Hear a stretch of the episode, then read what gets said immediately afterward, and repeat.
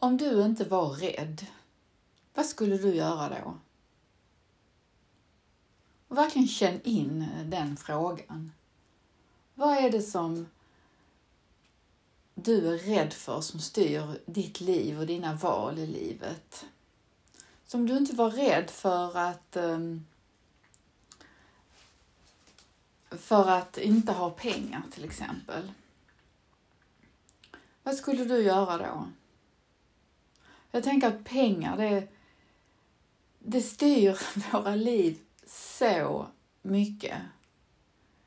Jag möter så många individer som eh, går till arbeten som de faktiskt egentligen inte vill för att eh, skaffa sig de pengarna som de har vant sig vid och har skapat sig ett liv eh, med.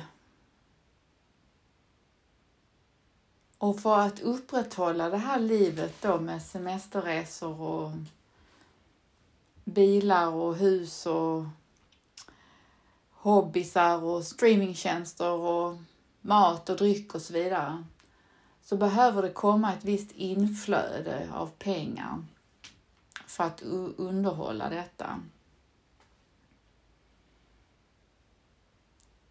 Och att, att då varje dag gå till ett arbete som jag inte mår bra av, där jag inte kommer till min rätt.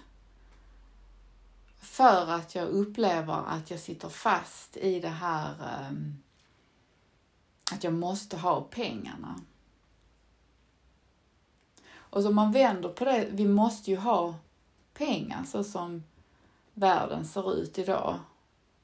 Att utan pengar så är det väldigt svårt. Jag kan inte köpa mat, jag har ingenstans att bo och, och så vidare. Så pengar behövs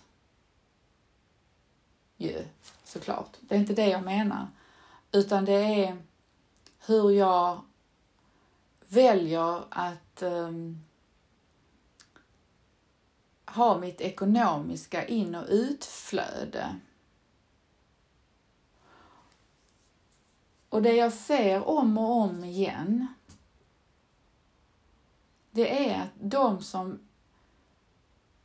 följer sin längtan och inte låter sig stoppas av sina rädslor, sin längtan i vad de vill jobba med eller hur de vill leva sina liv och börjar gå för det och följer det.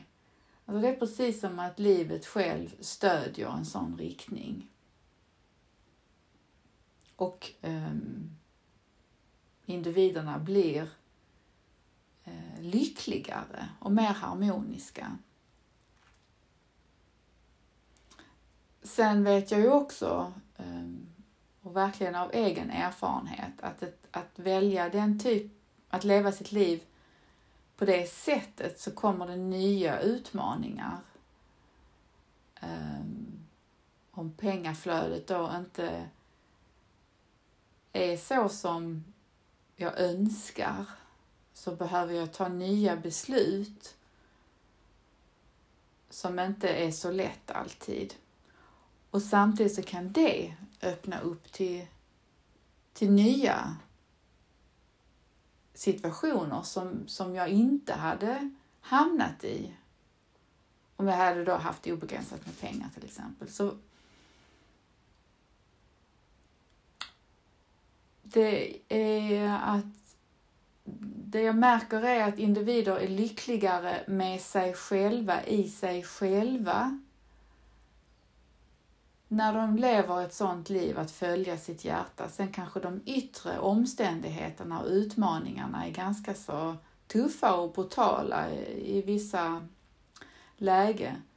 Alltså den här inre harmonin, den inre lyckan och lugnet med sig själv finns där. Om man jämför då med en individ som Nej, jag, jag vill ha mina resor, jag vill ha eh, det här huset, jag vill ha två bilar, jag vill ha den här levnadsstandarden som vi har.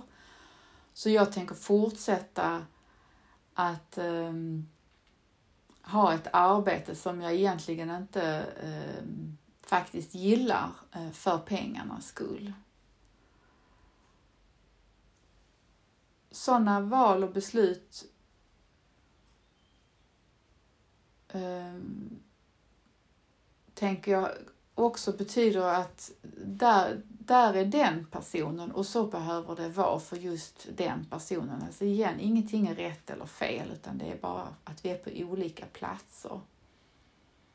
Men i ett sådant beslut så är det ju att rädslor styrs. Alltså jag blir rädd för att ändra på för mycket i mitt liv. Jag vill ha den här standarden som jag har och jag um, är inte beredd att ta risken att um, försörja mig utifrån det jag längtar efter att göra.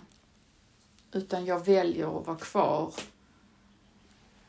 på den här inslagna vägen som jag har just nu. Så vad skulle du göra om du inte var rädd?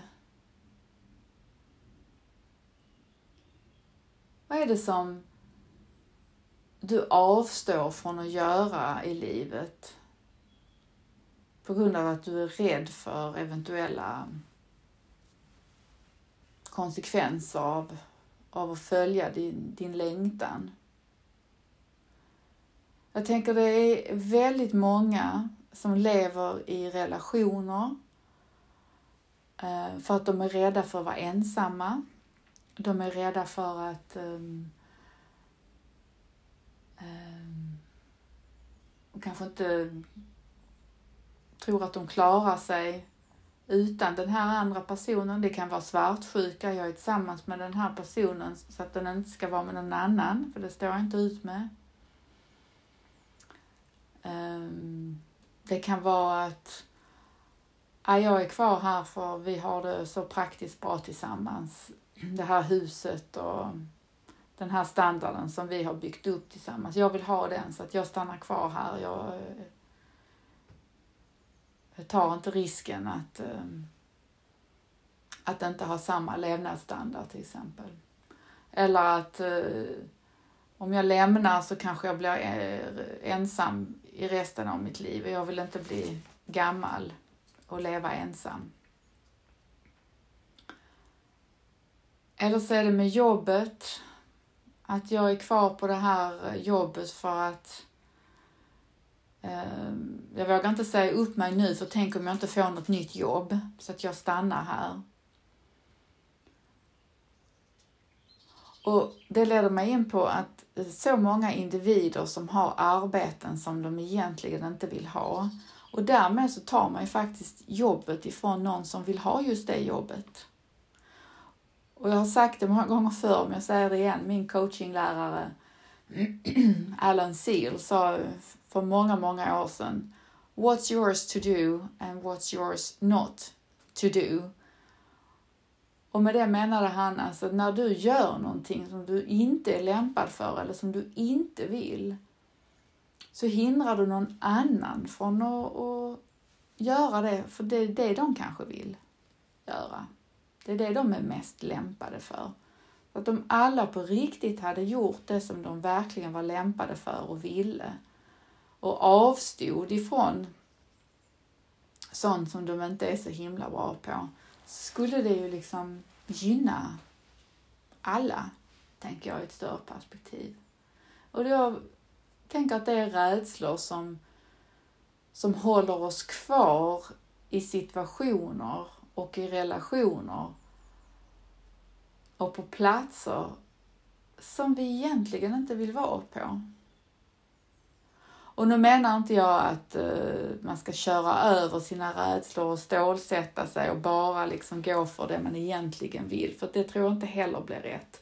Utan min poäng här är att, att göra oss medvetna allihopa här som lyssnar, och även inklusive mig själv. Liksom, vad är det som...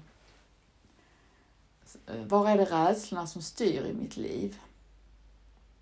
Och det är egot som styrs utifrån rädslor. Så ju mer vi jobbar med oss själva och, och löser upp våra egoknutar och, och läker våra, våra små trauman och stora trauman och oläkta sår som vi har med oss från livets framfart, ju mer frigör vi oss ifrån egots grepp.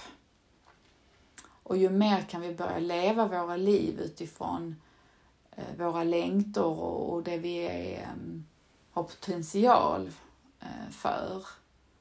Men så länge som vi sitter i egots ehm, fixering så är det rädslor som till största del ligger ehm, där i, i, i kärnan som styr våra beteende och tankar och övertygelser och så. Så att börja få syn på vilka handlingar och livsval och beteenden som, som jag gör som bottnar i rädsla är ju igen då första steget. Alltså att bli medveten om vad jag håller på med. Och att man då med största nyfikenhet och värme och um, kärlek närma sig sig själv. Alltså, vad, vem är det som är rädd inne i mig? Vad är det jag är rädd för? Hur, hur, hur uppstod den här rädslan?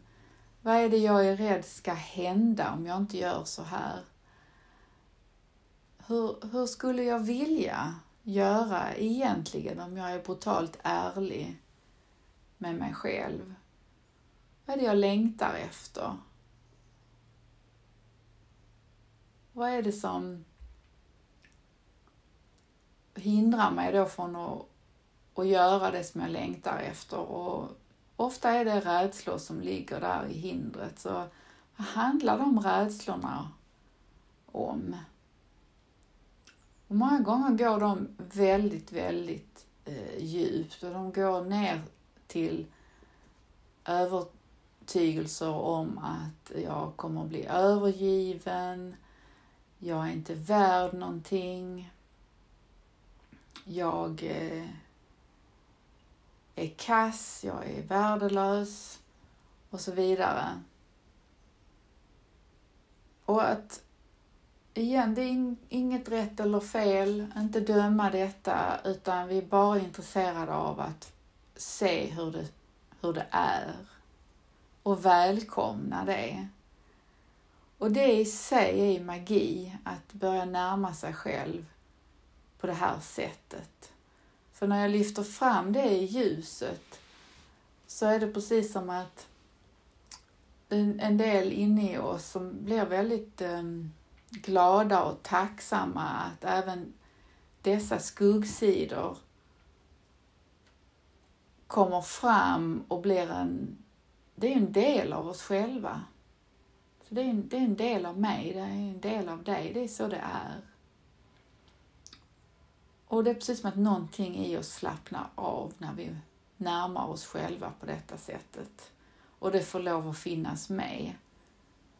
Och sen kan man då med största försiktighet börja göra nya val utifrån min längtan i den takt och i den mån som är rätt för mig. Absolut inte forcera någonting, för det kan bli ett enormt eh, bakslag och, och eh, en, den här knuten kan bli jättemycket hårdare om jag forcerar någonting.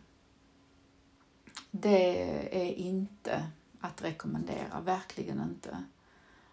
Utan med största medkänsla och empati möta sig själv. Var är jag just nu i den här frågan? Vad är det som händer här? Jag, jag kanske precis har blivit um, um, avskedad i en större omorganisation och jag kanske har fått ett avgångsvederlag på två år. Jag har tid på mig att eh, hitta en ny riktning jag kanske har passerat eh, 50-årsstrecket och pensionen börjar eh, närma sig. Så liksom, hur vill jag eh, hantera den här situationen? Vad skulle jag egentligen vilja göra på riktigt? Och vad är det som gör att jag inte gör det? Vad är det? Och då är det ju rädslor, jag kanske vill ha den ekonomiska tryggheten och så. Men vad bottnar under där? Vad är det jag är rädd för egentligen? Ja, det är kanske många som säger, ja, jag är rädd för att inte eh, kunna köpa min mat. Jag är rädd för att bli eh, uteliggare och hemlös. Och, mm, jag är rädd för att inte kunna resa på min skidresa och sommarresa. Ehm, jag är rädd för att inte ha någon bil. Jag är rädd för vad andra ska säga. Och det kanske handlar om att att det skulle vara ett enormt misslyckande. Jag är rädd för att bli sedd som misslyckad, till exempel. Och visst, det är ju, det är ju helt realistiska eh, tankar så att om jag inte har om jag inte har min, mitt ekonomiska inflöde tryggat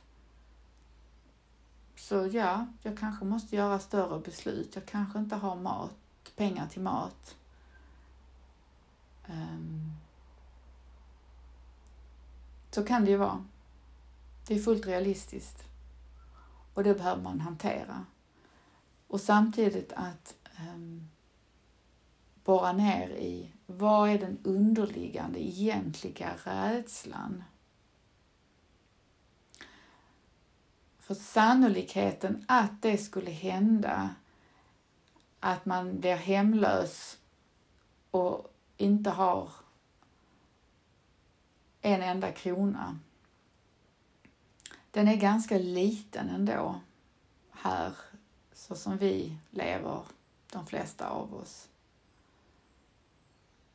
Så om jag låter, oss att de studera dina tankar också. Alltså, hur är det jag tänker? Vad är det jag berättar för mig själv som hindrar mig från att göra det som jag längtar efter? Och vad... Det är också omgivningen. Vad säger andra om jag nu skulle vilja göra någonting helt radikalt annorlunda än vad jag hittills har gjort? Alltså människor i min omgivning eh, brukar inte tycka att det är en bra idé. De brukar komma med massa, en hel lista med argument eh, för att det är en väldigt dålig idé. Så var varsam med vem du delar dina, din längtan med och dina tankar med och, och välj eh, den personen eller de personerna med största försiktighet.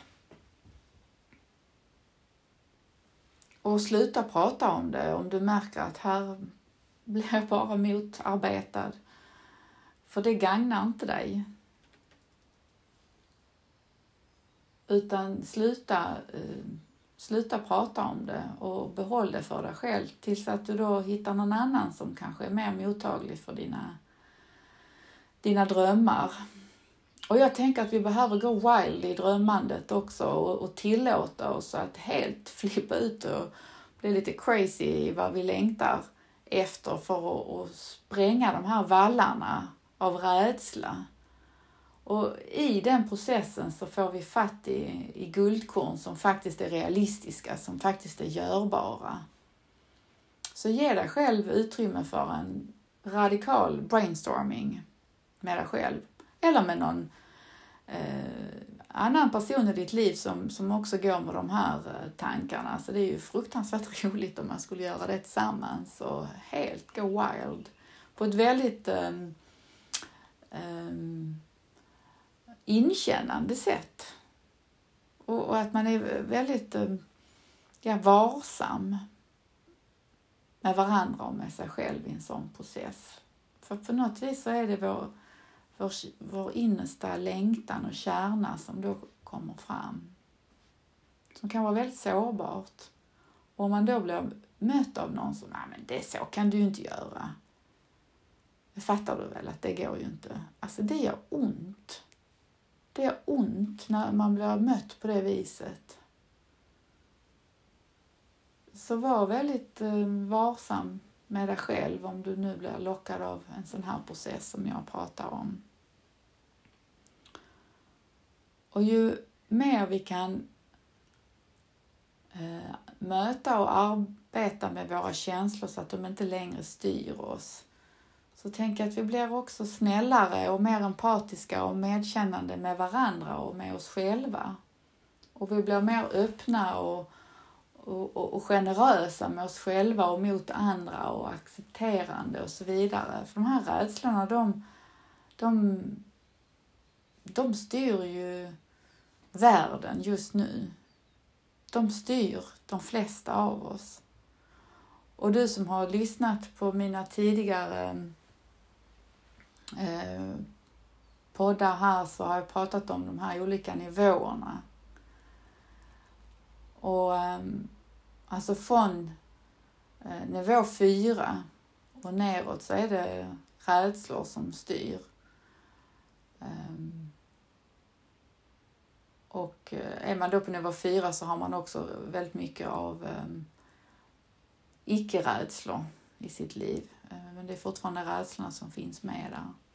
Och från nivå fem så är man nästan helt fast i eh, egofixeringen och, och um, därmed också väldigt styrd av, av sina rädslor. Och det gör att vi vaktar och vi håller på oss själva och det blir mycket konkurrenstänkande och, och jag kan inte ge efter här för då kanske de tar min idé eller eh, vi bygger mer murar runt oss för att vi, vi, ehm, vi behöver liksom vakta och skydda det som vi har.